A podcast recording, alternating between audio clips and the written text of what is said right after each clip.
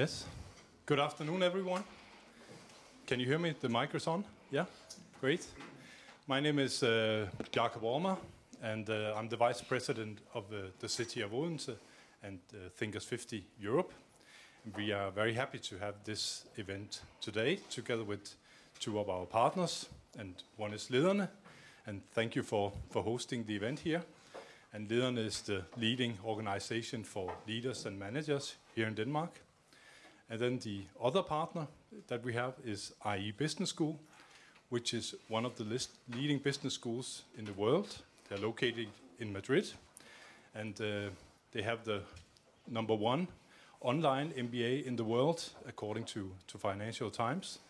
And uh, that's why we're also uh, recording the event uh, today so you can see it later, and it's also being live streamed. And I would like to give the word to Joel McConnell from uh, IE Business School to introduce the speakers. Thank you very much. Uh, I'll be brief. Uh, just a, a, short introduction for the institution if you do not know us. Uh, on the breaks and afterwards, we do have some alumni here from our programs. Uh, and then, of course, you have uh, Milo Jones, who I'll introduce shortly. We have Amber Wigmore, who you'll hear from as well. And then any questions you have, I'm glad to answer them afterwards, uh, after the presentations today. Um, IE Business School is part of IE University. We have five schools at the university. We have undergraduate, master, doctoral, and executive programs as well. So it's a, let's say, a full service academic institution. Obviously, we do research as well, and we work closely with companies. Uh, at the back, you have Pedro from our corporate relations team as well. So if you have any questions about executive training for your companies, he can help as well. Uh, but most importantly, uh, we will be here for the European Business Forum, uh, which happens in about three weeks' time. Uh, this is our second year participating. Uh, and really, I can tell you from last year's experience, it really is a very good way to connect with other business leaders, learn some interesting things, and again, it's a great way for us to be present here in the Nordics as well. Um, What's special about IE Business School as part of IE University? We are a global uh, institution. Today, about 95% of our students come from all around the world for our MBA program. So we really do go out and engage with partners around the world. We have 29 international offices uh, that serve us, obviously, as we meet uh, with potential candidates for our programs. Also, they help us with potential institutional partners. And then finally, and of course, uh, and very importantly, uh, today we have about 65,000 alumni in 150 countries. And so keeping that network active and engaging with alumni is very important. So our offices help with that as well. So with that, I will pass the mic to Milo Jones, who you've come to see first. Uh, but if you have any questions about the institutions, our programs and services for organizations, uh, please do find me afterwards. I'll be around to the end. Thank you, Joel, and uh, thank all of you for coming. I should probably start with a confession. I teach geopolitics at IE for business people, and um, I did my PhD on the internal culture of the CIA and strategic surprise. That said, I don't know about you, but I find politics today very strange. We've talked about We've talked about global warming, and I just call this global weirding. Something is going on, and, and I'll be honest with you, I don't like a lot of it. Um, I'm truly disgusted by certain political figures. You can take your guesses. But I've realized the only constructive emotion in the face of developments I don't like politically has to be confusion. What is going on here? So beginning with things like Brexit, which I failed to predict. I literally, I was teaching in Madrid that night, going into geopolitics class, and um, going to bed the night before. I said, oh, the press likes a horse race. It'll never happen. It happened. And then there I was asleep at my home in Warsaw. My wife, my wife woke me up and said, he won. And you can guess who. Uh, um, but all around the globe, whether it's the Philippines or arguably even um, India, whether it's developments in uh, popular, were, that were popularly known as the Arab Spring, uh, or even the rise of what's called populism in Europe, um, something is going on. And people are calling it populism, but I don't think that's enough. I, I think that that implies that the political change we're experiencing is cyclical. whereas I believe something structural is going on. I think something has changed. Uh, I hate the word paradigm, it's overused. But if I said to you, the new structure of politics or something, you wouldn't come to the talk. So we have to use the word paradigm to get you. To, so I think something big is changing in politics. And all of you in business have one key strategic task, and that's to improve constantly the quality of your questions. The quality of your strategy ultimately depends on the quality of your questions, and a lot of those questions will ultimately be political, so you need to understand what's going on here. Of course, there's a new media environment, and we know that media itself changes messages. I was raised to revere the funeral oration of Pericles. That's what got me to join the United States Marine Corps, right? You have a duty to serve, and it's a very beautiful, complex exploration of what democracy is and why free people should volunteer to defend it.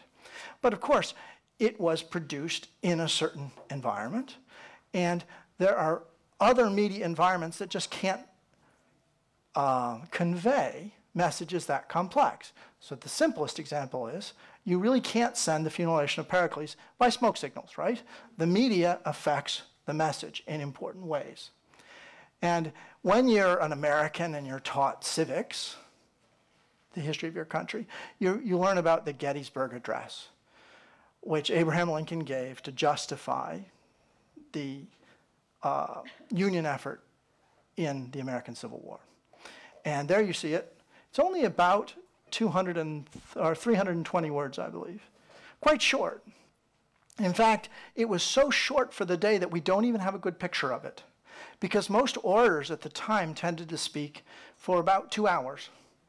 Lincoln had spent the last six months managing the war from the telegraph room of the White House. And he knew that because of the new media of the telegraph, if he wanted to explain the purpose of this war to people in that new media environment of newspapers and telegraphs, it had to be short. So he specifically created an address short enough for people to take down by shorthand and then transmit to newspapers all over the Union the next day.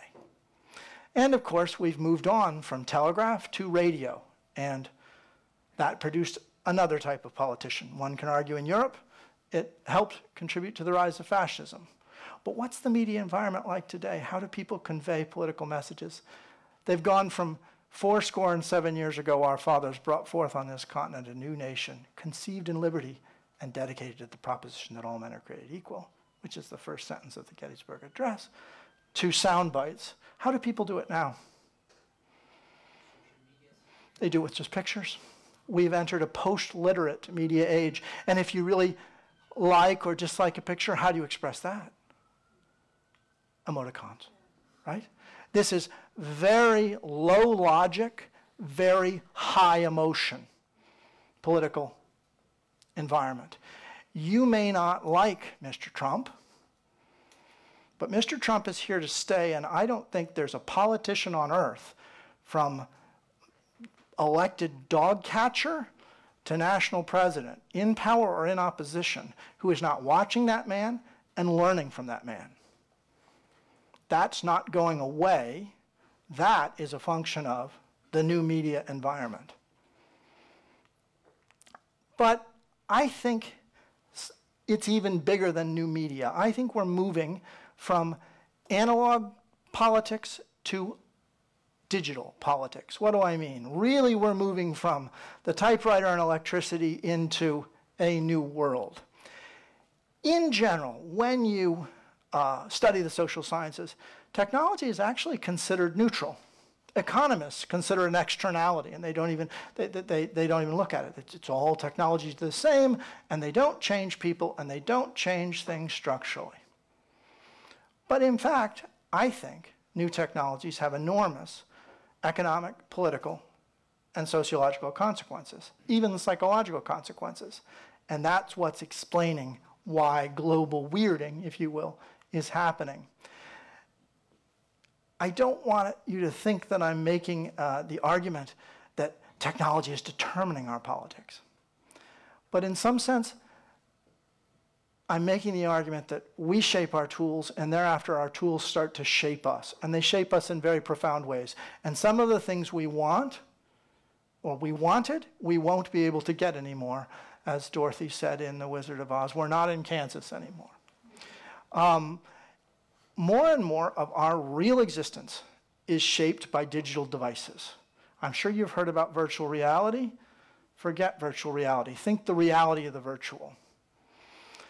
You've probably all seen charts like this, and business people love them because, oh, wow, think of the opportunities. This is the amount of time that American adults are spending online per day over the last 10 years. As you see, it's gone from under three hours to almost six.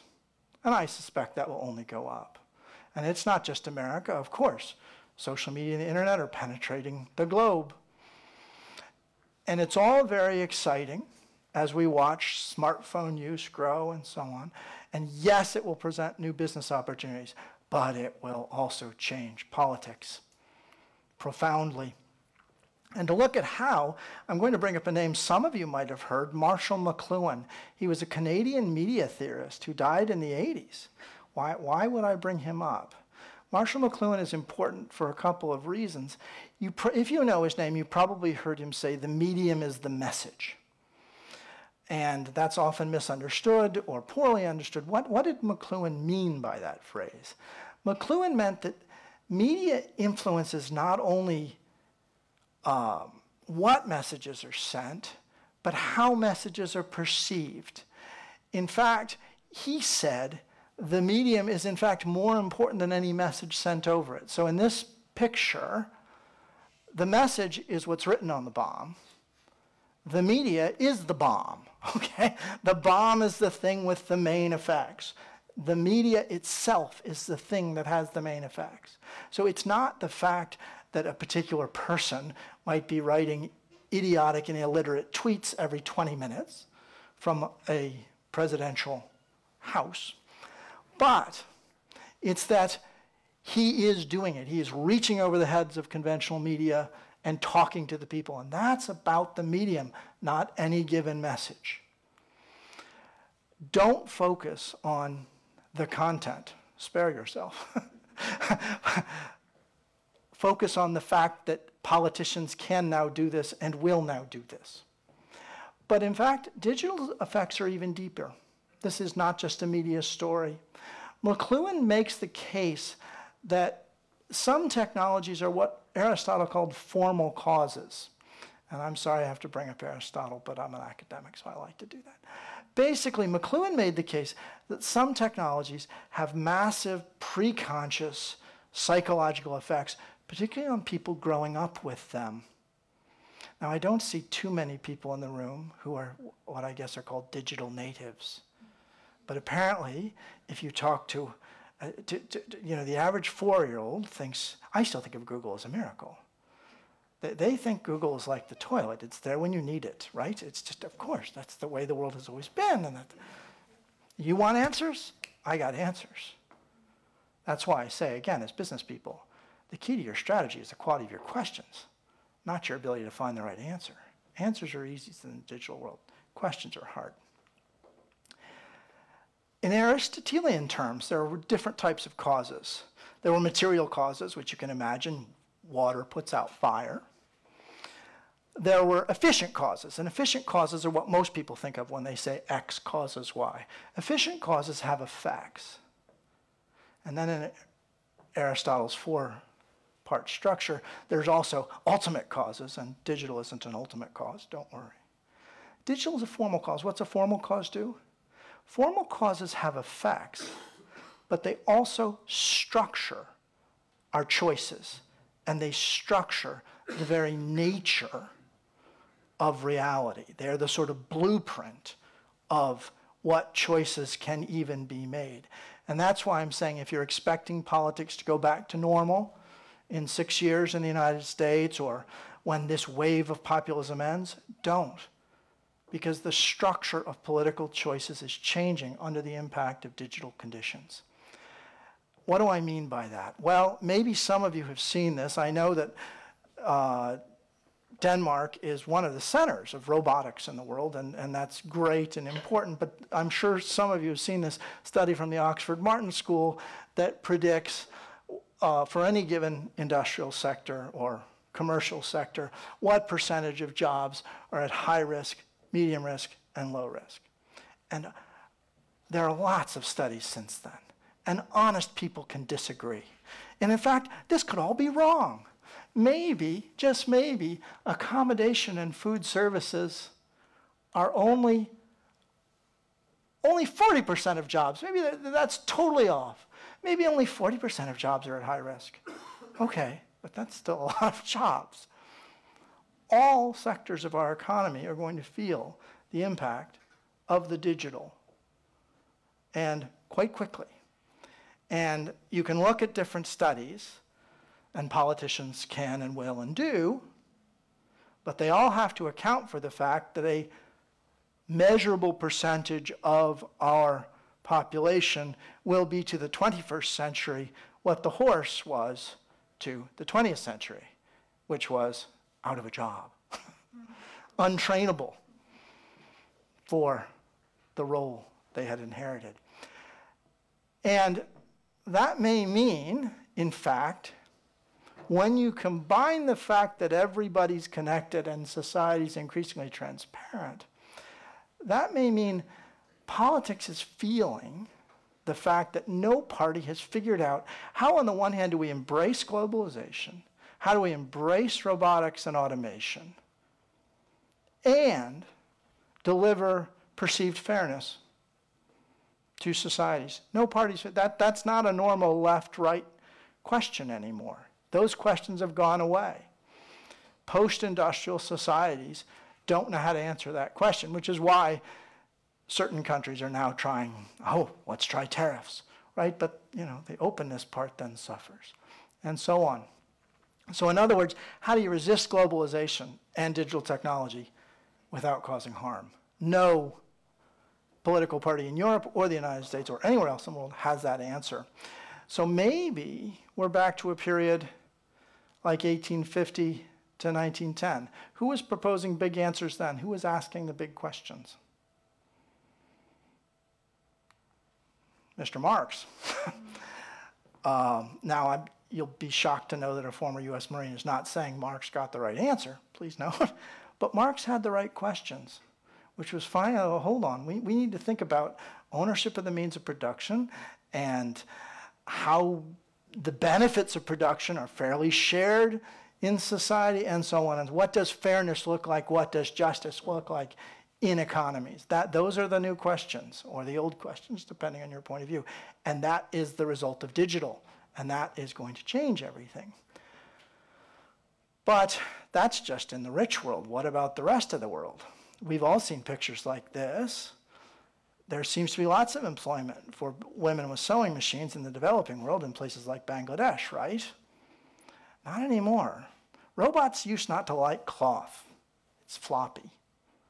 But even in that sector, there's a company called Sewbo that ha- they haven't invented a better robot for handling cloth, and they haven't come up with brilliant AI to handle floppy things. They just dip a shirt in a particular substance, it becomes stiff. It can then be handled like sheet metal. The t-shirt can be cut and sewn and finished. And then they dip the shirt in a different substance. It softens it up, and it appears in H&M in Copenhagen, and it's five cents less. And if you're a big supplier, you don't have to worry about human rights problems in your supply chain because a robot did it. But remember, textile manufacturing is one of the first rungs on the ladder of industrial development. The ladder that China climbed up over the last 30 years, coastal China anyway, climbed up over the last 30 years, simply might not be there for other developing nations. Adidas, another area that uh, developing nations tend to get started in is shoe manufacturing. Adidas opened two new factories in 2017. Anybody know where? Germany and the United States. They don't need cheap labor anymore. With 3D printing and automation, they can keep the supply chain close to the customer. And again, no awkward questions about child labor and things like that. So premature deindustrialization may be one of the consequences of digital technologies for the developing world. Um, now, my wife uh, works for Frontex, Europe's border security agency, border and Coast Guard agency, and she accepted the job in 2010. And we both said to each other, "How busy can borders be?" Well, turns out uh, that's a busy job. But even that is feeling the impact of the digital. How? Well, guess what? Um, it turns out that there are apps where you can rate, the same way you rate an Uber driver, you can rate a people smuggler. you know, yes, my ride to, from Tunisia to Italy was as expected. And one of the, when you go into those camps, the first thing you see is charging stations. That's what people want. They want to charge their phones. And that's how the people smugglers advertise. That's how they get paid. That's how the person sends proof of life back to Molly to say, yep, look, here I am, I made it. Pay the other half of what you promised. And yeah, okay, the boat was a little more crowded than we were promised, but still. Even, and remember, global spread of mobile phones. They'll be everywhere, and they'll be looking at your beautiful life in Denmark. And they won't be saying, you know, perhaps we should attempt a bicameral legislature and a and a symbolic uh, monarchy and instead go, no, they're saying, I want to go there. So that is an impact of the digital. It's shaping choices. And then there's AI. And we know that both China and Russia and the United States, there's now a global race for AI. We, we know it's true because Goldman Sachs told us, for goodness sake. I mean, obviously. And there's one other area people forget about. Um, and that is these same pressures that we're feeling are also being felt in countries like China and Russia that are not democracies. So if you see Brexit and Trump and the Arab Spring as one impact of the digital, you might see certain major governments that tighten up as another symptom of digital. Um, I'm sure you all saw the news that Mr. Xi has decided that term limits can be a thing of the past now in China. These societies, whether you're authoritarian or democratic, are feeling the pressure of digital technologies. The key question to me is, does technology favor tyranny? This is a recent article by Mr. Harari, uh, the Israeli historian who wrote Homo Deus and Homo Sapiens. Um, I'm not so sure, but I do know that there's the social credit system being pioneered in 20 Chinese cities, where if you compare President Xi to Winnie the Pooh, you can't buy first class train tickets anymore. Okay? The same way that your credit as a European consumer or an American consumer, your financial credit is rated, your social credit gets rated in China. And if you say the wrong thing or do the wrong thing, certain things besides bank loans get closed to you. So we should all be worried. And then let me layer on this.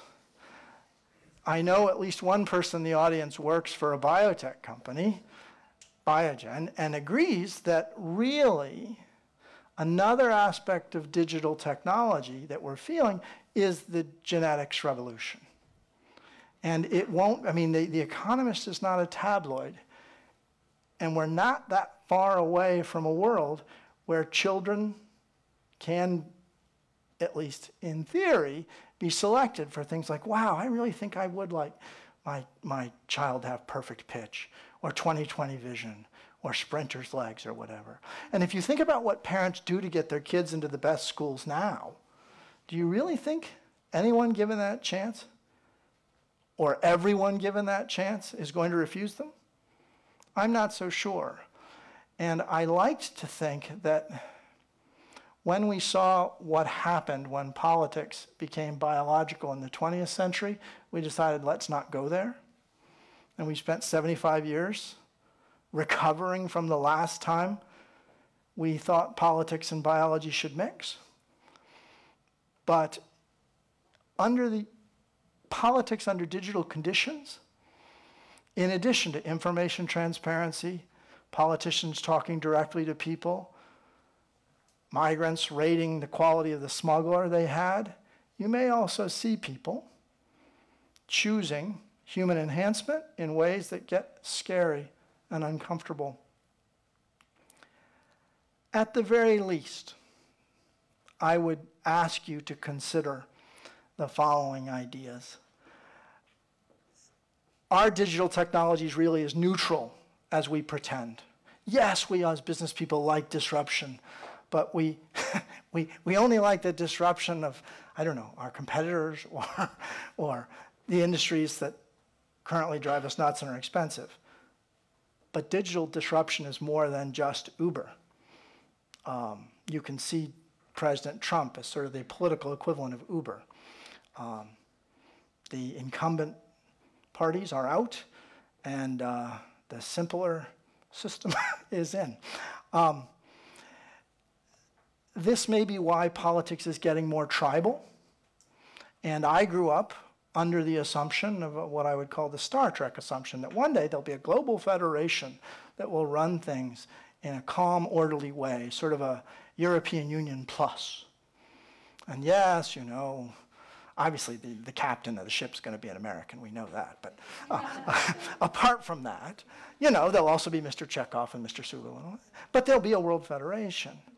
I'm not sure digital conditions right now are producing the foundation that might be needed for such a world system. And in fact, things may be getting more tribal. Um, in other words, I really think it's time for everybody to start thinking about politics under digital conditions. Digital technologies are formal causes, and that means they're structuring our choices and our leaders' choices. What's possible and what's not. And with that, I am happy to take questions. Uh, we have to wait for the microphone, please, because of the online, because of the digital elements. You see, it's structured. By, oh, yeah, okay. Oh, yeah. Um, well, I can't remember his name. I know, know, one of the guys in Denmark that works a lot with the SOMI materials said that at least a lot of us are still at the kindergarten stage on the social media. Yes. Uh, you know, consideration that we will grow up moving away from the kindergarten. Do you see a, let's say, a more, I call it mature um, way of what you're predicting? A, do, do, in other words, do I think that, and I, I truly, I, I want to make sure I understand your question. Do I think that, in some sense, democracy adjusts uh, once, once we, beyond the kid? Well, yes, and I, I hope so. I, I'm rather a fan of the Enlightenment and checks and balances and humanism, I admit. Um, but as I say, we're not in Kansas anymore, and we at least can't take for granted the idea that, oh, don't worry, people will grow up. I worry, for example, about the emotionality of a post literate world. Um, one photo where people are liking or not liking and smiley faces and sad faces to express. I mean, I can imagine circumstances where even someone, um, you could get elected to a very powerful position on the basis of a slogan as idiotic like, I'm going to make Denmark great again, or something. Mm-hmm. Um, I know that sounds absurd, but um, digital conditions allow such absurdities. Um, so if we are to mature, the first step is a good diagnosis. And the diagnosis is to understand the full implications of governing ourselves under digital conditions. Um, in some sense, we pride ourselves on democracy, but of course, we're actually all republics. And republics require things like impartial institutions, checks and balances, protection of minority rights. and all of these things may be under threat, or in the effort to protect them, we might end up with something akin to a social credit system, which I find equally terrifying. Because then, of course, you're faced with a situation when you have that level of social control. The next Edward Snowden doesn't just release information, the next Edward Snowden launches a coup. At some point, Mr. Xi will need to fear his IT manager, not the army. um, so it's, it's complicated. Uh, was there another question? Uh, yes, ma'am. Mine is not so much a question as a comment that I'd like you to reflect on. It was brought to my attention only recently that uh, you're talking about genetic enhancement, Mm-hmm. but um, that's a possibility. But there's a more scary thing on an individual level, and this is a, a woman who works in childcare in the very first stages, weeks of a child's life. Uh, imagine the mother is nursing her child, Mm-hmm. but what is she doing with the other hand? She's watching a little gra- glass screen, and what does that entail? She doesn't get to know her child, and vice versa. It's um, you know she doesn't get the signals of the child, and the signal uh, the child doesn't get the mother's uh, attention. What That- kind of that- individuals uh, will that uh, produce? That's exactly it. You've got the medium is the message down to a key. The, the medium is not neutral. Digital technologies are changing psychologically humans, that this idea of digital addiction. So I'm not a Luddite. I'm not opposed to digital technologies. We just need to be reflective about as we adopt technologies, how are they changing us? I saw a study that said, that, well, it was anecdotal, but it interviewed uh, people who'd been teaching kindergarten for the last three decades. And they said many children entering kindergarten today, they would have diagnosed as somehow borderline autistic uh, because these kids come in without the ability to read the facial expressions of other kids. They've spent so much time looking at screens, the reality of the virtual, that they are losing how we interact. But again, this is, if you're interested in this story, Marshall McLuhan is the place to start. And of course, you know, you can read Plato and, and people complaining about literacy because that meant you didn't need to memorize the Iliad and the Odyssey in toto, right? I mean, uh, epic poetry was changed when you could write it down and learn it. And libraries are external brains that offended people who came from a pre-literate oral culture. And now we're moving into yet another phase because the printing press also changed how the, line- the idea that there is such a thing as correct spelling um, is a product of the printing press, as is correct grammar, uh, and so on. And even the assembly line, arguably, is a result of a Gutenberg idea. Wow, we can do the same thing over and over and over and over and over again. In some ways, there's a phrase, um, I'm a fellow of something called the Center for the Study of Digital Life, and the phrase they use is digital retrieves the medieval that we are, in some sense, re entering the medieval world. And if you think about how kids write today, they're back to the scribal world where proper capitalization, what I think of as proper spelling, proper grammar, all that's out the window, just like it was when books were handwritten, if there were books at all, when things were handwritten. So, yes, you're right. Digital technologies are changing children and changing mothering, and therefore what it means to be human. Does that, does that mean that you think that people are actually changing? I mean, humans are, are changing, the values are changing, or, or is it just amplifying what we already are as humans? I mean, because, I mean, I see this more like uh, amplifying of this because the technology, the, at least the price performance of the technology is going so, so fast, but the humanism, and if you talk about one world and so on, it's not going fast in my Right. Yeah. So I think that's maybe that's where we have to set in. Um, if you're interested, I can send you a talk I somewhat similar to this that I gave in Israel two months ago that explored this idea and more the idea that digital retrieves the medieval in in more depth. And I bring that up because McLuhan was very careful. He ended up with something called a tetrad. And he said that new technologies make some things obsolete. They make other things amplified. They make other things go into reverse. And they flip other things.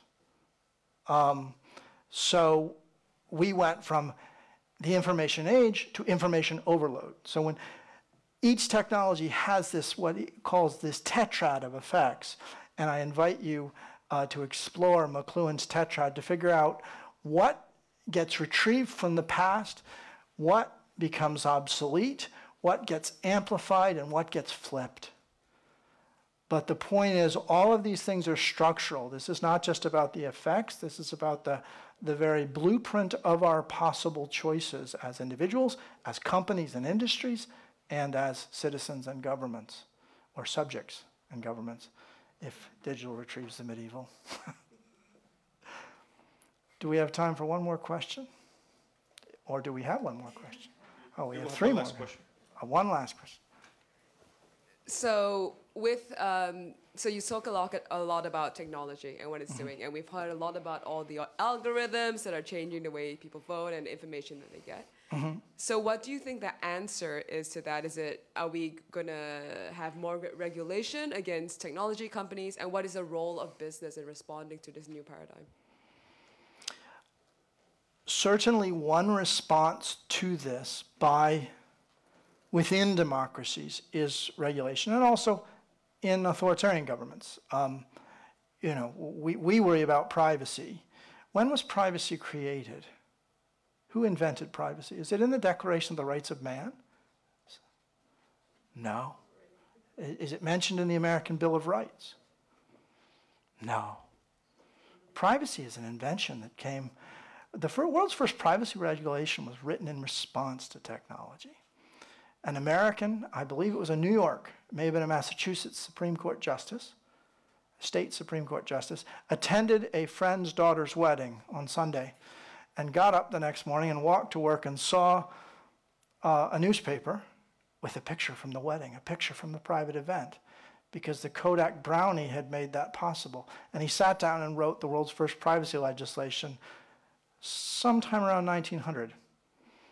And direct dial tele- telephones were first marketed as privacy devices because you didn't have to tell the operator whom you wanted to talk to. Could dial. Truly, otherwise, I mean, how can you have an affair if, if you like, uh, yeah, could, could I be put through? And the operator's like, again? You're both married. Uh, so there are a lot of concerns that regulation is attempting to deal with that, that will be part of democratic society's response to these technologies. I see more attempts like that. I also see Europe coming up with a slightly different answer from the United States and China coming up with a different answer yet again. Um, Google employees just circulated a petition that they don't want to work for the Defense Department. Glorious, wonderful. Alibaba and Tencent's AI practitioners may not get that chance. Um, it, uh, you wouldn't hear about it, let's put it that way. Um, so, different societies are going to deal with this stuff in different ways. In the West, we'll see more regulation, either the European preventative side or the American free market side, um, or the Chinese authoritarian side. Um, and that really is the race. But there's another aspect to the race because arguably there are three different cultures forming. There's sort of the Western response to digital technology, there is the sort of Chinese Eastern response to digital technology. But there may be a third sphere forming, this sort of digital world in itself the sort of post-human, human enhancement, who needs limits, libertarian, Silicon Valley uh, response that is not in keeping with either Western or Eastern tradition, but is its own thing. Um, but that's a different talk. And with that, uh, I know you've been very patient. I've covered a lot of abstract ground quickly. Um, please connect on LinkedIn. I love talking about this. And as I say, if you're frustrated by politics in Europe or elsewhere today, the only constructive emotion has to be confusion and improving your questions. And if you're confused, you're not alone. Thank you all very much. Thank you very much, Milo. So when we originally talked about uh, doing this event as a lead up to the European Business Forum 2018, uh, and thinking of where we are today and, and the purpose of events, uh, we wanted to do or give you twofold content. Uh, the first with Milo being sort of around thought leadership uh, in a very complex market. Uh, and the second part was a focus on executive skills. Um, Amber Wigmore uh, is not only a PhD and doctor of philosophy in her own right, but she also has a very strategic role at IE as an institution. Uh, when students come to study with us, regardless of their program, uh, part of their expectations or outcomes from their training is career advancement. And today we have, I think, about 35 people that work in our talent and careers area. Mm-hmm. Uh, but they have responsibility not only for the students that come through every year, we have about 10,000 students that come through the school through the different programs, but also those 65,000 alumni worldwide. So Amber's a very busy lady, uh, but has access to all different profiles and lots of expertise. And so we wanted to have Amber come and speak to you and, and provide you some insights from an executive skills perspective. So Amber, I'll pass the floor Fantastic. Thank you so much. It's a pleasure for me to be here. And believe it or not, there is a connection between the global weirding the human enhancement. We'll talk about human enhancement, but from more of a natural, not a biological perspective. Uh, and at the same time, the reading of facial expressions. And I'm going to talk about the topics that are I'm most passionate about, and they happen to be the topics that I believe contribute the most to career advancement and progress, no matter what stage of your career you're at. And that's personal branding, it's the body language, and it's the executive presence. So it's a bit of my background, which Joel just talked about. Uh, and my background in business is business economics and business science, uh, but very passionate once again about these areas which make up what I call executive presence. Uh, executive presence being a buzzword that we probably heard more about 10 years ago or so. I'm very much doing a bit to bring it back because I believe it encompasses so much of what contributes once again to that career progression. And it's really about your ability to create, create that impactful moment, that that inspiring people to want to know more about you, not just for career purposes, but it might be your personal brand. It could be a business venture. One of the things that I do, I work with LVMH and I work for, and it's called L'École de Pitch. It's an elevator pitch school in France, helping startups to do their own pitch and elevator pitch sessions. Uh, so not just about, it's not just about landing the next job and uh, for recruiting purposes. So, what is executive presence? And I like to talk about a recipe for success being a mix of the self trust, confidence, self awareness, and being able to navigate people's needs in conversations with them. So, it's about the active listening, it's about connecting the patterns of the conversation, having poise under pressure, decisiveness. It's about having strong and clear language, but very much the positive body language which we often don't hear enough about, and that's what I'm going to focus a lot on today, is the nonverbal communication aspect. So when it comes to executive presence, uh, the tips that I tell people, it's not about you, it's about the others. And so one of the things that frustrates our students the most is when we say the importance of networking. Only 30% of job opportunities are posted on online career portals. The rest is part of the hidden market. So we talk about the networking. And students, alumni, they often get frustrated with this because they want the immediate, they want the corporate contacts, but it's really about putting them into that perspective, changing that mentality in a networking event about it's not about you, it's about the others. What's interesting about the others? And it's not about exercising your own influence and power, but making others feel comfortable in that environment. And being able to start a conversation with people of all levels and inciting that meaningful dialogue. So, one of the things that I'm fortunate at IE to be able to do is lead uh, many fireside chats with uh, high level authorities, maybe former ambassadors, leaders of nations, uh, CEOs of companies with hundreds of thousands of employees around the world. And these, for me, very transparently, are the five questions that over the years work the best. And I find that it provokes an emotional response, it gets people to stop in their footsteps and really respond from the heart. And there are questions like What is the best piece of advice anyone has ever given you? Where and how do you find inspiration? No matter where someone is in their career, everyone has their own source of inspiration. What do you wish someone had told you at the start of your career? Finish the statement. If you hadn't pursued a career in government relations, you would have been, and that's where they start talking about what was their frustrated career and maybe why they decided not to pursue that path. And perhaps for that person who's nearing retirement, so what's next? What's next in your career? What's next in your life? And these are questions that really do incite that meaningful dialogue. And, and I bring these up because for some people, the networking doesn't come naturally. Uh, and as Joel mentioned, we work with students from more than 126 countries. Uh, and are certain backgrounds, nationalities that sometimes we have to tell them to Americans, for example, tone it down. Others tone it up a little. And you really need to work with them on the executive presence, on being comfortable networking and speaking in public. So I wanted to go through, I have two slides of a checklist, and I'm not going to ask you to raise your hands necessarily afterwards, but just take note. I'm going to, I'll show you the categories, just to get a sense of where you stand when it comes to executive presence. There are those, when we talk about the, the human enhancement, there are those perhaps, no matter what political stance you might have, Barack Obama, for example, recognized as having a strong executive presence. Uh, but at the same time, it's something that can absolutely be developed. So, just to get a sense for where you stand now, I'm going to read through these.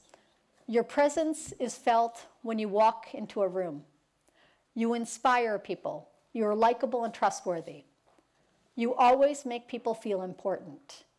People are curious to know more about you. People want to be your friend, build a relationship with you.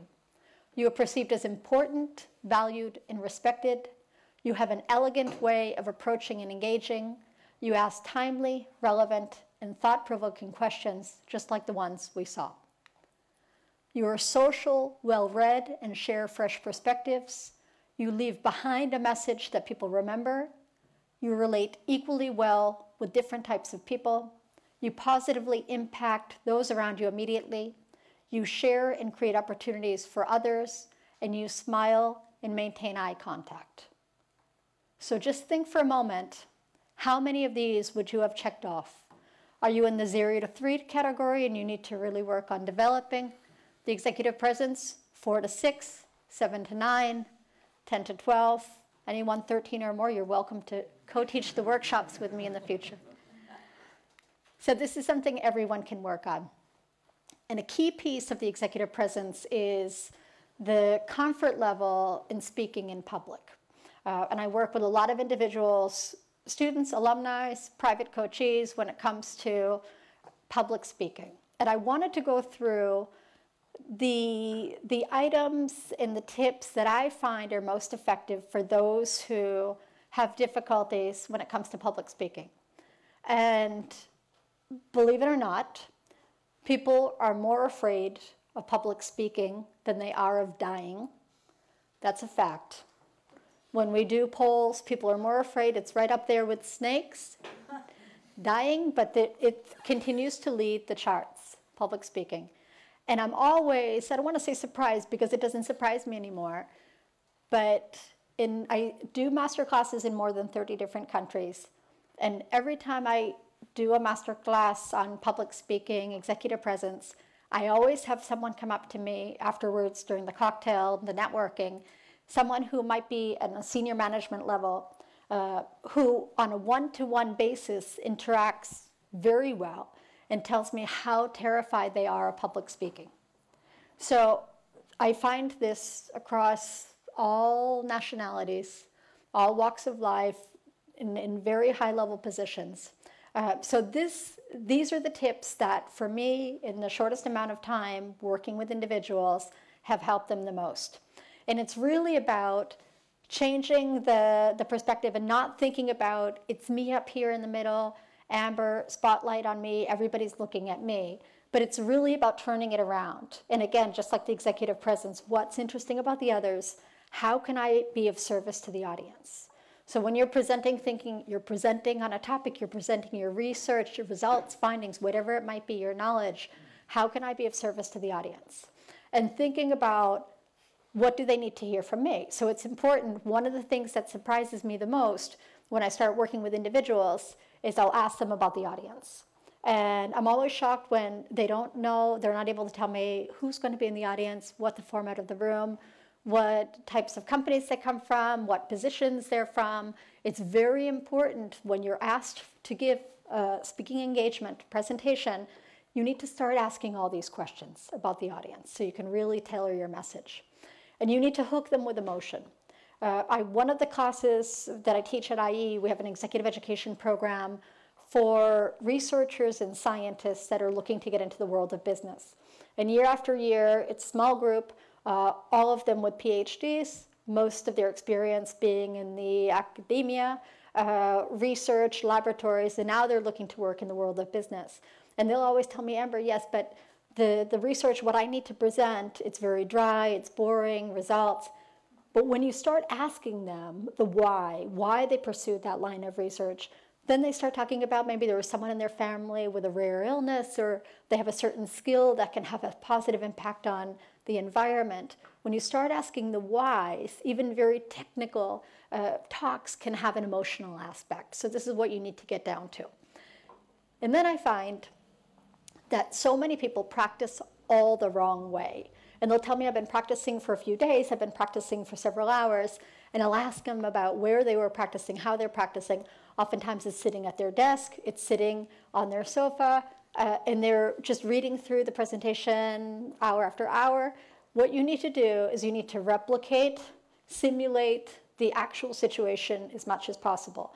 You need to stand up and practice. If it's obviously, if it's something you're going to be standing up, you need to, the whole time you're practicing, be standing up. And then you want to break it down and master each individual component of your presentation. I find that many people know the opening and the closing very well, but in the body, that's when they're looking for the words, they're looking down, that loses all authority. So you really need to focus each day, maybe spend a couple of hours on each aspect. Uh, and then oftentimes people will say, Amber, but I don't like to do that because I like it to sound more natural and I don't want it to sound too rehearsed. In all actuality, the better you know your material, the more natural you can be.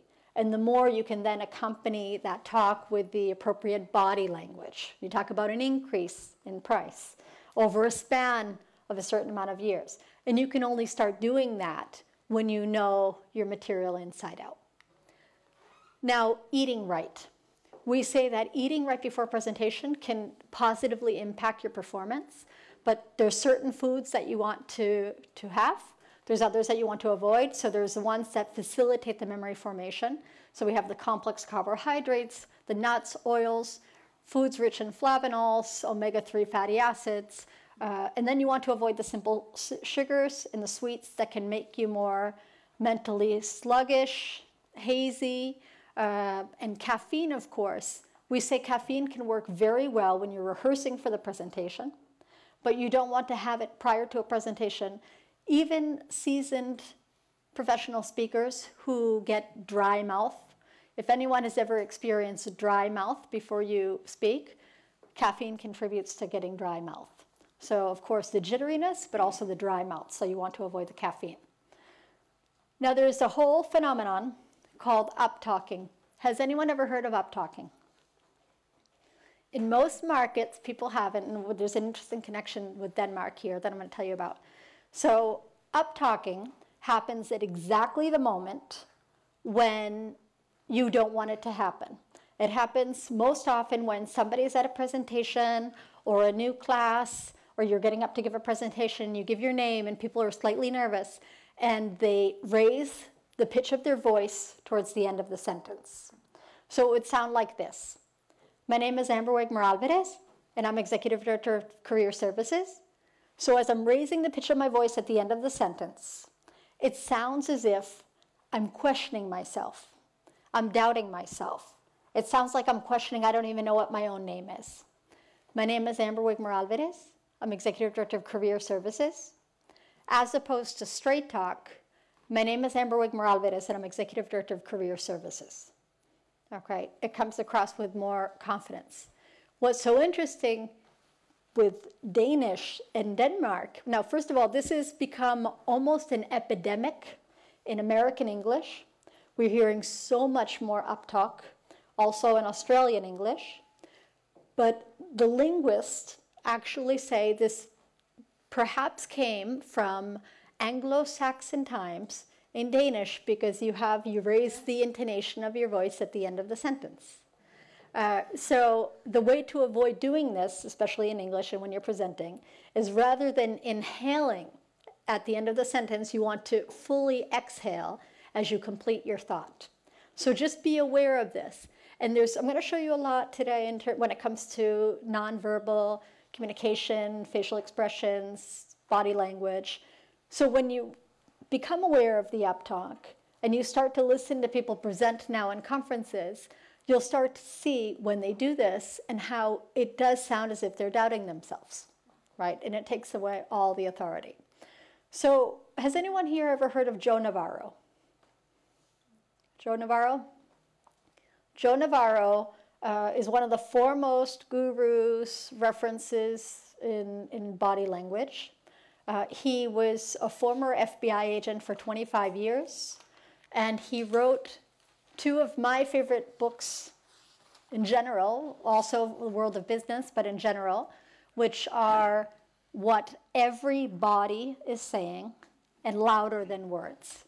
And why I connect nonverbal communication with executive presence, it's for exactly this reason. It's because the message is received at the speed of light at a distance, and we can't even speak that fast. And I'm going to show you some photos, and one in particular that exactly exemplifies this. So, this is a page from his book, What Every Body is Saying. And you see that when we dissect the face, all of the different facial expressions and the facial tells, they're telling of something confidence, nervousness, disdain, concern, uh, anxiety, every single line. And it's important to really understand the entire context. So what I did was I had two of my colleagues from my team. I had them model certain behavior. And it's behavior, there's, we could spend weeks and weeks and weeks on the nonverbal communication and the training. Uh, there's many books out there, but I wanted to focus it on just some basic body language uh, that I feel can be very effective and at least make you start to become aware.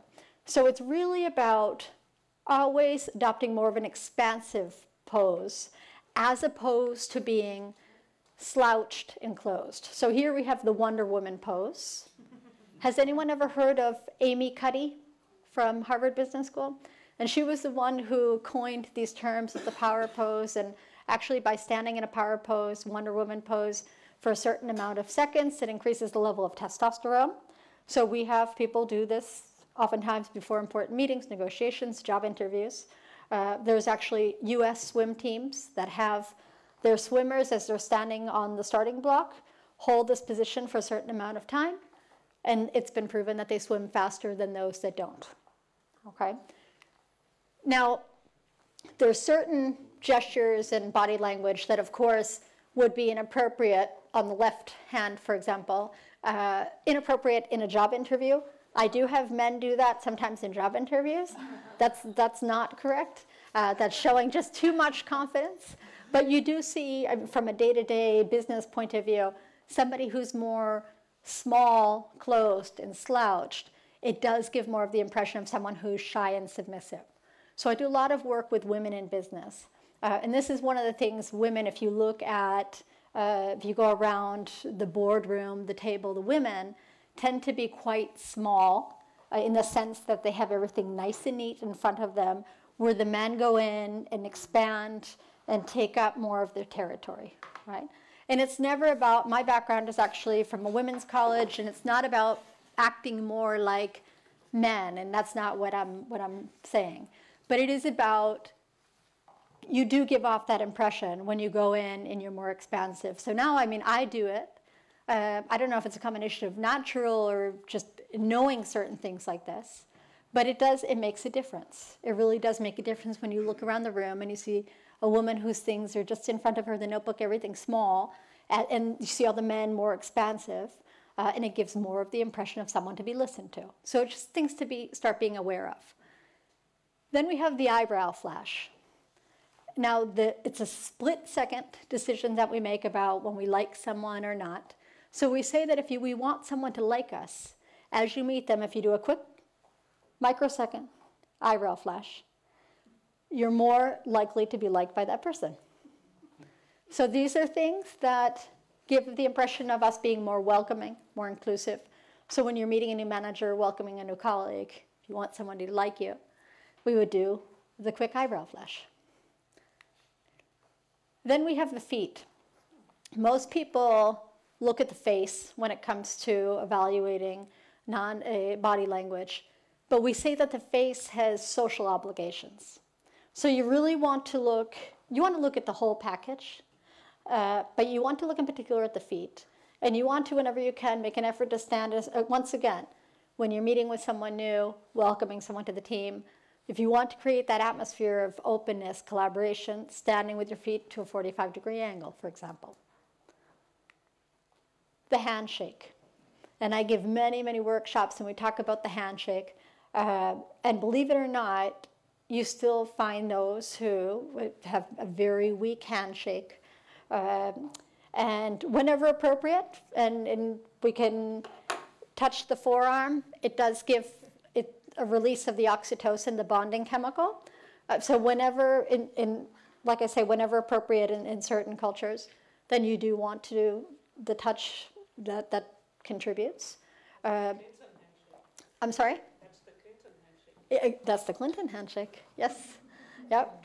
And well, then we have the overly firm Trump handshake as well. that goes on for much too long. Uh, now, the looking down during the presentation. And you might say there's certain behaviors here that I have the model, and some people might think it looks a little over exaggerated.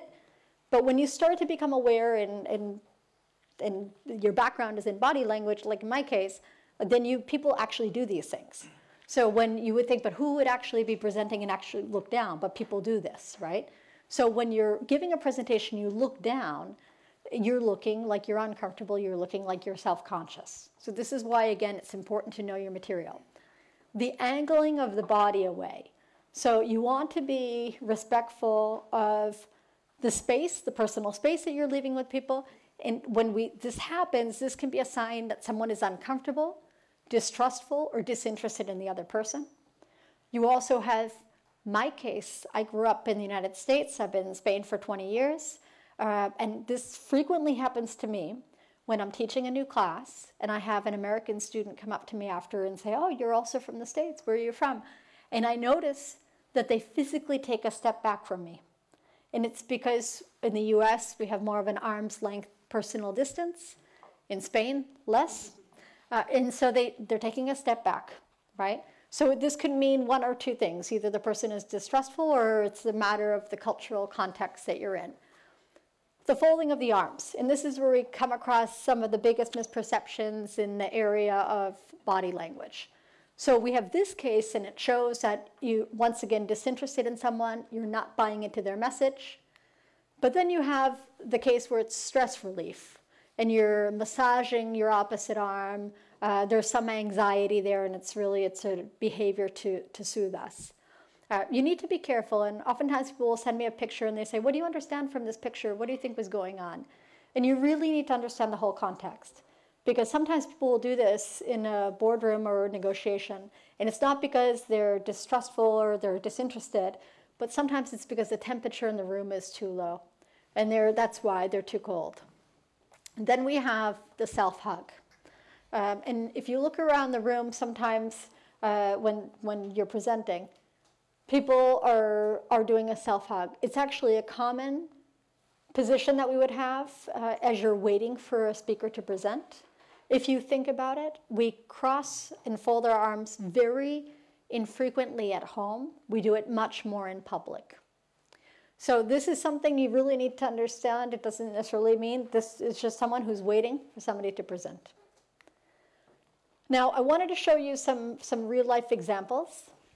Uh, these two individuals, and I'll show you some politicians in just a moment. Uh, I want to take, these are two colleagues from, from our institution. And this is absolutely my favorite photo in the world of business, body language. Uh, it could be in a body language book, and I'll show you just the reason why. We have two campuses at IE. We have an, an IE campus north of Madrid in the city of Segovia. And this was taken during one of our annual meetings. And for logistics purposes, I needed to know if the gentleman in the back had already presented or not. So I sent a WhatsApp message just to say, did they finish the presentation? She sent this WhatsApp photo, still presenting. Just think, just to say that they're still presenting. But there's so much going on in this picture, it's incredible. So you have, it was a gentleman in the back who was actually the one presenting. Uh, and there was a lot of commotion from the audience. He was presenting on a, a strategy for growth, business development, and the audience, a lot of questions and doubt as to whether or not those objectives could be achieved or not. So his boss got up, the mastermind of the plan, and started presenting to the audience. So we have two things going on. We have the gentleman in the back doing something in the world of body language that we call looking askance. And looking askance is when you have your hands by your side, looking off like this. It's exactly that. Uh, and you're not buying into the message, you're not believing that this can be done. Doubtful. And then what do you notice about the gentleman up front who's presenting? The hands. And what about the hands? In the fingers, what do you notice about the fingers? The more far apart your fingers are spread, the more confidence and passion you have in that topic. So you see total belief that this can be achieved, passionate about it, uh, confident, leaning in, forward. So you see what's going on here.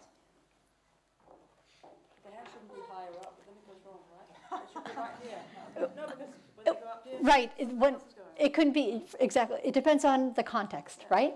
Uh, but that could be more like patronizing and right. Well, you see politicians do that too. Uh, yeah, but I mean that's that's natural for him. You also need to know sometimes the person, right?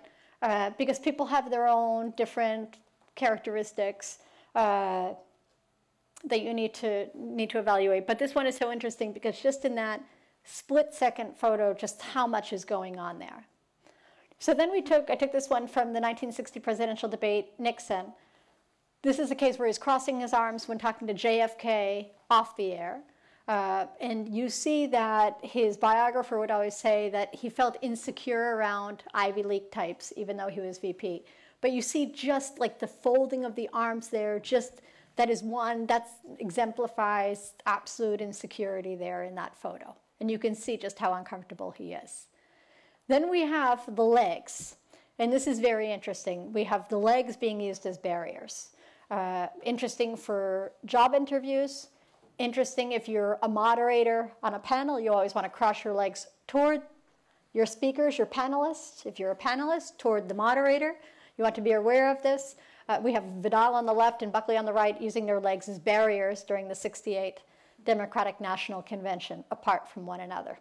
So, especially when you're going to be doing something that's perhaps televised, you need to be aware of using the legs as barriers. Of course, I think we all have Trump in our, our presentations these days.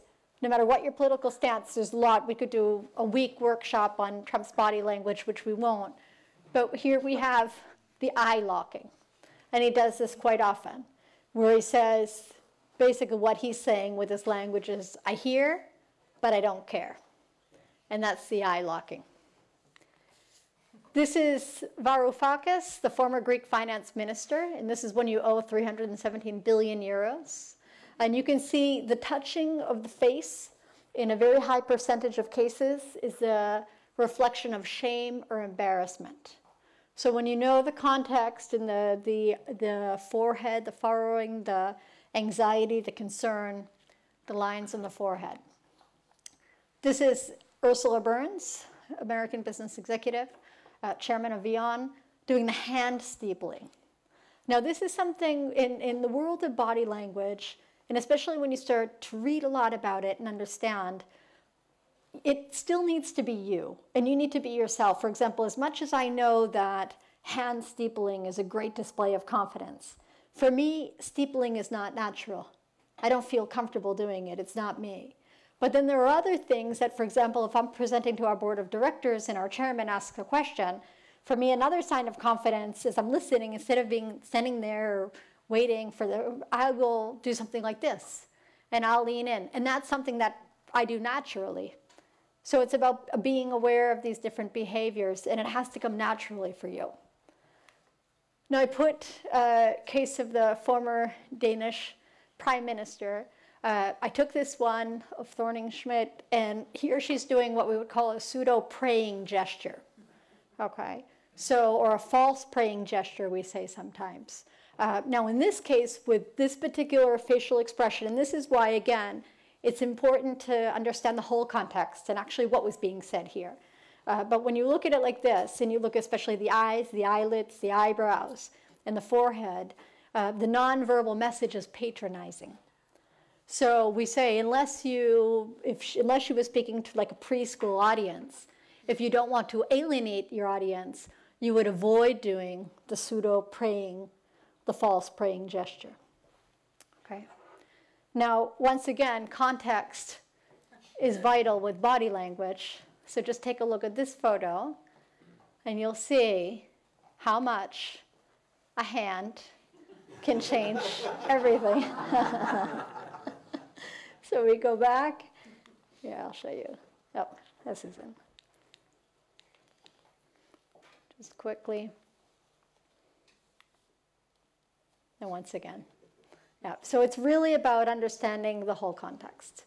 It's about when you look at a photograph, you have to understand who asked for that photograph to be taken, who took the photograph, what was the temperature like, what was going on in the background, what was being said. You really need to understand the whole context.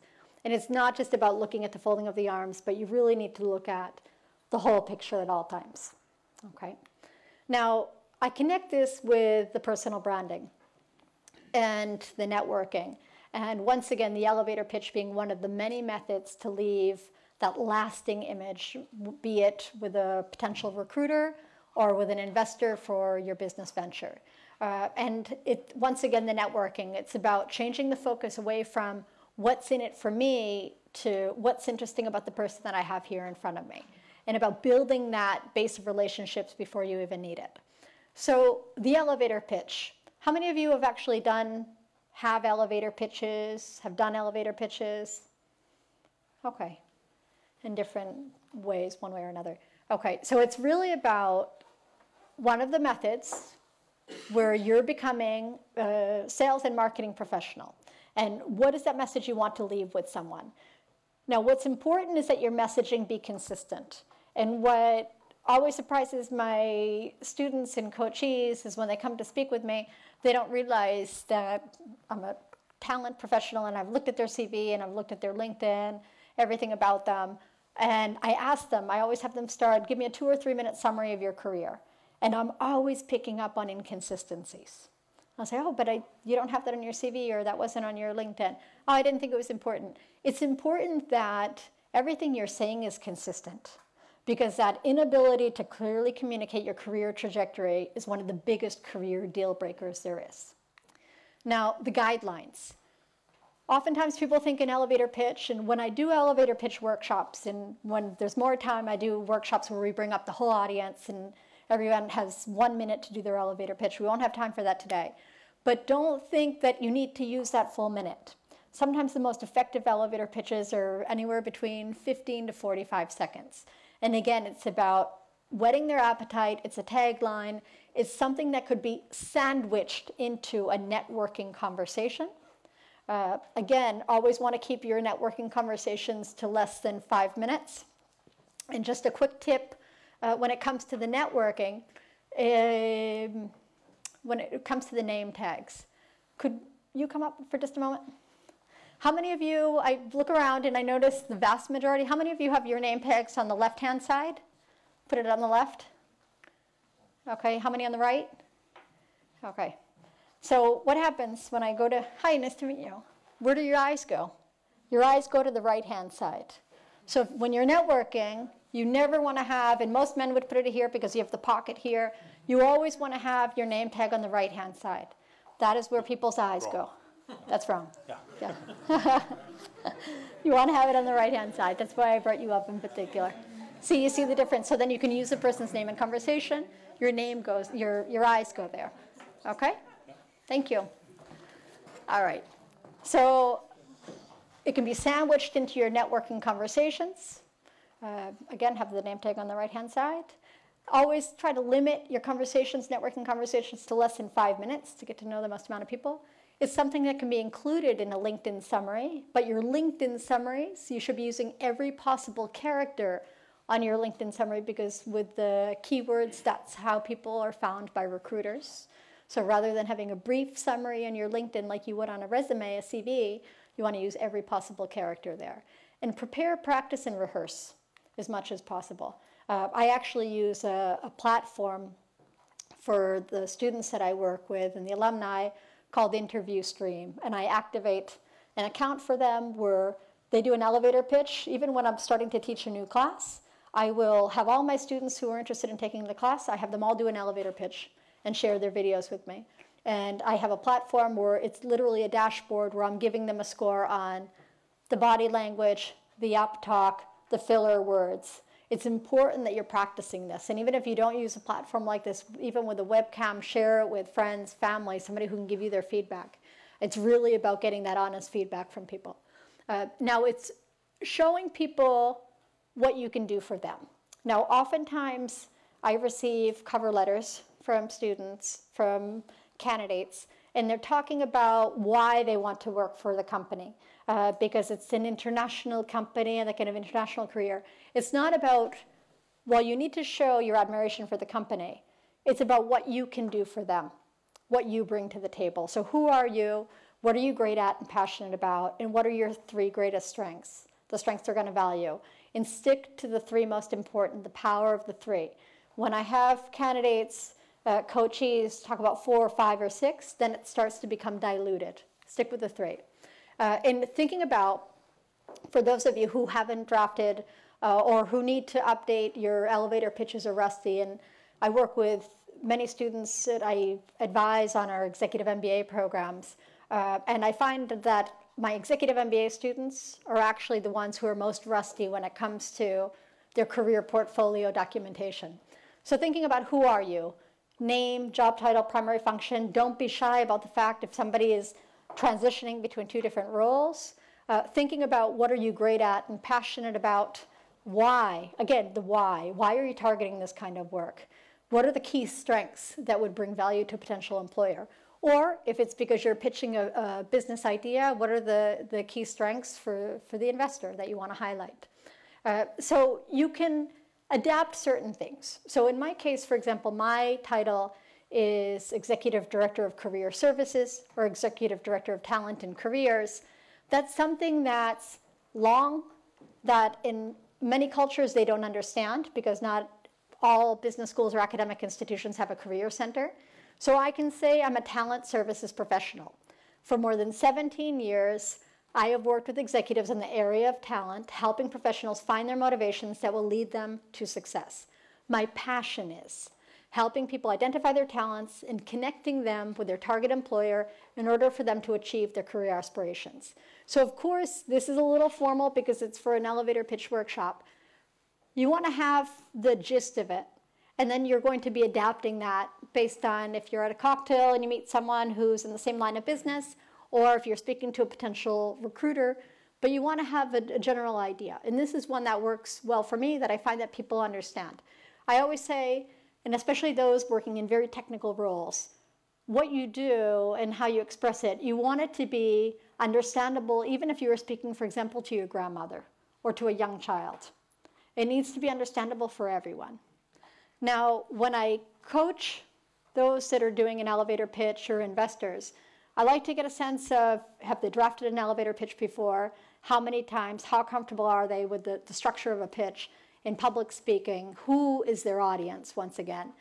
And then I call it pitch perfect because I evaluate them on all of these aspects on the structure. Were the thoughts well organized? Is it logical? Is it clear enough for a general audience to understand? The eloquence. How does a speaker express him or herself? The level of energy. Was it genuine, passionate, passionate memorable? Uh, persuasive. Was the speaker able to persuade the audience?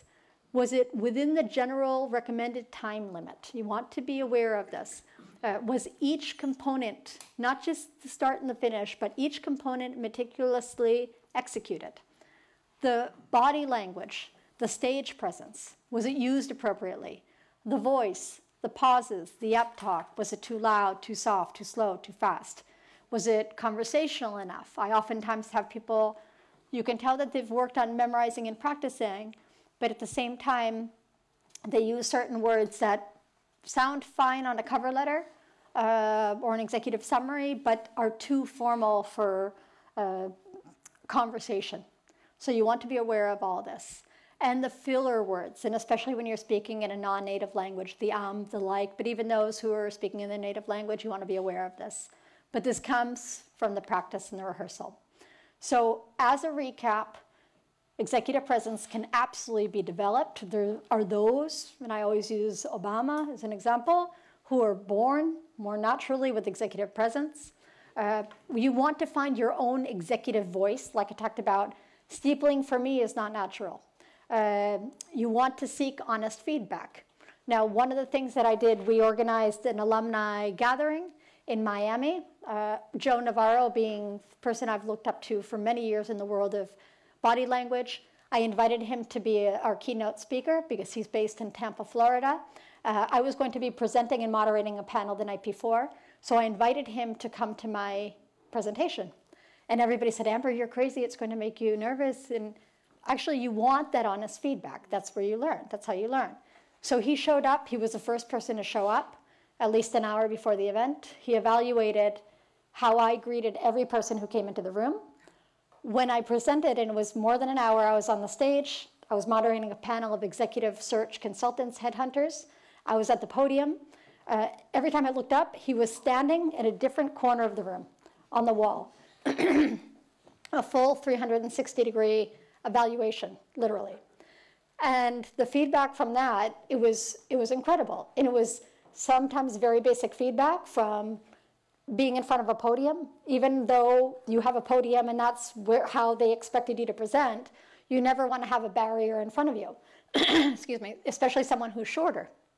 You always want to have a lapel mic and get out in front of the audience.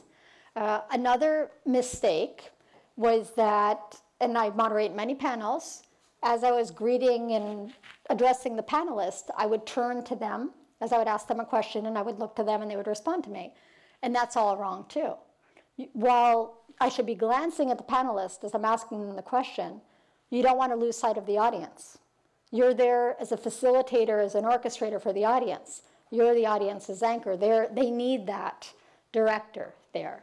Uh, and at the same time, and that felt, it felt natural, it felt almost rude for me to be asking a question and not looking at them. But actually, when after over the years, when you do it now, you realize that when I was doing that, they would, as I asked them and I'm looking at them, they're responding to me. So the conversation, the whole panel is just looking at me, I'm looking at them, and the audience is there on their own, lost, right? It's the kind of feedback like that. And that's you when you ask for that honest feedback and you ask somebody to go and watch you present or watch your videos, right? Another one that came from that is the body language of the arms, the more short, choppy gestures that we do like this, the more indicative of middle management. The more broad, sweeping, slow gestures, the more senior management. So it's things like that. And then there are people who maybe they play with their ring during a presentation. There's language, body language, that you're not going to be able to eliminate immediately, right? It takes time. But just you need to start becoming aware of it and then start to slow it down. Do it less frequently. Slow it down. So this is when I talk about getting that honest feedback, this is how you learn. The practice makes perfect. And then finally, I always say never decline a speaking engagement, especially when it's in your line of business. Uh, we organize more than 1,500 events per year at IE, and I can tell you from experience that the first thing people do when we invite them to speak, almost always, is try to think of somebody else. Oh, let me see if my colleague or my boss. No, we want you. We would like you to speak on this. People immediately want to assign it to somebody else. Whenever you can, never decline a speaking engagement, unless, of course, it's totally out of your field and it doesn't make sense. And this is where this is where you gain the experience.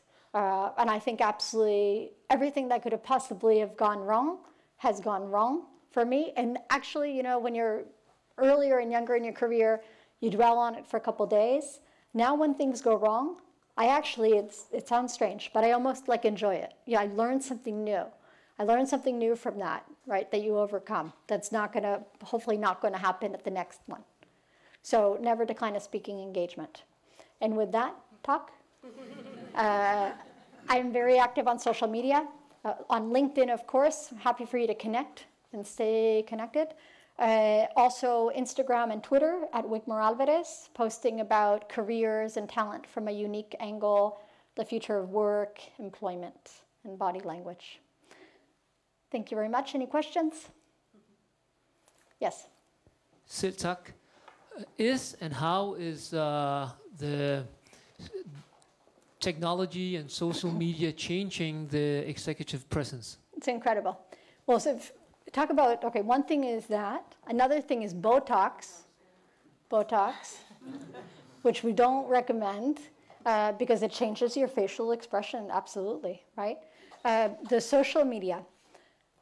Now, I'm working a lot with recruiters in this aspect because, first of all, we have the use of neuroscience for recruiting, uh, doing a lot of work with companies like Arctic Shores, Pymetrics, cut-e, C U T E, uh, where now what we're doing is employers and top companies aren't necessarily posting their vacancies, but rather the candidates are downloading mobile apps, they're playing the games, and if their emotional and cognitive traits are the right fit for the prototype or those successful in the company, only then do they receive the vacancies.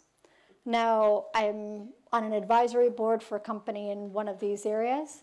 Uh, one of the things that we're seeing these companies starting to do is the, the facial recognition during the, these processes, because one thing, too, is there's different aspects here.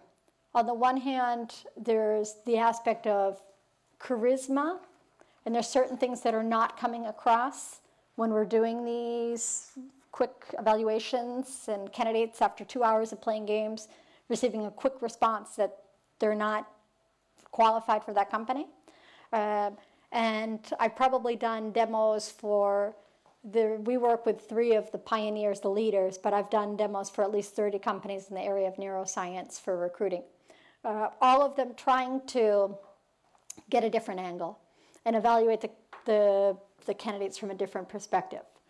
So the closest correlation right now with the body language are the online in the video interviews, right? Uh, so we have the, the use of the neuroscience in these, these tests incorporating the facial recognition, but that's more so to ensure that it's actually the candidate that's playing the games and not a different candidate. But at the same time, we have the video interviews. Uh, and some of these technologies, if any of you work with them, um, and one of the things that we do with the students is one of the things that they're looking for too is it's important that you're actually your eyes are looking at the camera, right? Uh, so we're treating the video interviews as if it's the real thing, uh, and the InterviewStream platform that we've invested in for our students is for them to practice because increasingly now, and at all levels, uh, it used to be more of like the junior, the master in management or MBAs, but I have executive MBAs. Uh, I speak to audiences of international organizations, UN uh, agencies that are going through processes like this, all different walks of life and different types of profiles. Uh, so we're working with the students to ensure that they're online, they're video interviews, or it's almost like the real thing. uh, because it, that's what will hopefully get you to the next stage. Uh, so right now, that's the correlation. Still so much to be done here, and we're still in the infancy right now of seeing just only many of these companies, the use of neuroscience have only been around for two years. So what does that mean? So at the same time, one of the companies that we work with, it uses a Goldman Sachs. I don't know if anyone here works for Goldman Sachs. So at the same time, sending vacancies to those who fit the proto- prototype, the profile that they're looking for. But my question is, I'm always, I see it, I'm somewhat like an intermediary between these companies and the candidates, is about if we're only bringing in those and hiring those that look just like the, successful, successful ones, uh, we might be filtering out some excellent candidates that could be disruptive to the organization. And that's what we need as well. Uh, so actually, I have meetings tomorrow in Oslo to talk about the, the facial recognition and working with different providers uh, in this line. But it's important. It's important that, and this is why all of my students go through the body language training because they need to be incorporating that now into their, their video interviews too. How much uh, do you work with uh, storytelling, uh, and do you integrate any uh, of the new digital possibilities in that? Yes, yeah. So uh, a very important component at, at I speak for our institution at IE is, is talent and careers. And I remember I've been in my role for more than eight and a half years. And when I started in my role, I remember I would start by saying I'm from, it, it sounds very arrogant actually, but I would say I'm from one of the most relevant and strategic areas of the institution, careers. And people would say, oh, Amber, be careful because now it's the dean of the certain program and the academic component. And after a couple of years of doing this, and just happened naturally, our former dean and president would introduce me as Amber, who leads one of our most relevant and strategic departments, careers. And it is so important because nowadays, years, I did my MBA 20 years ago.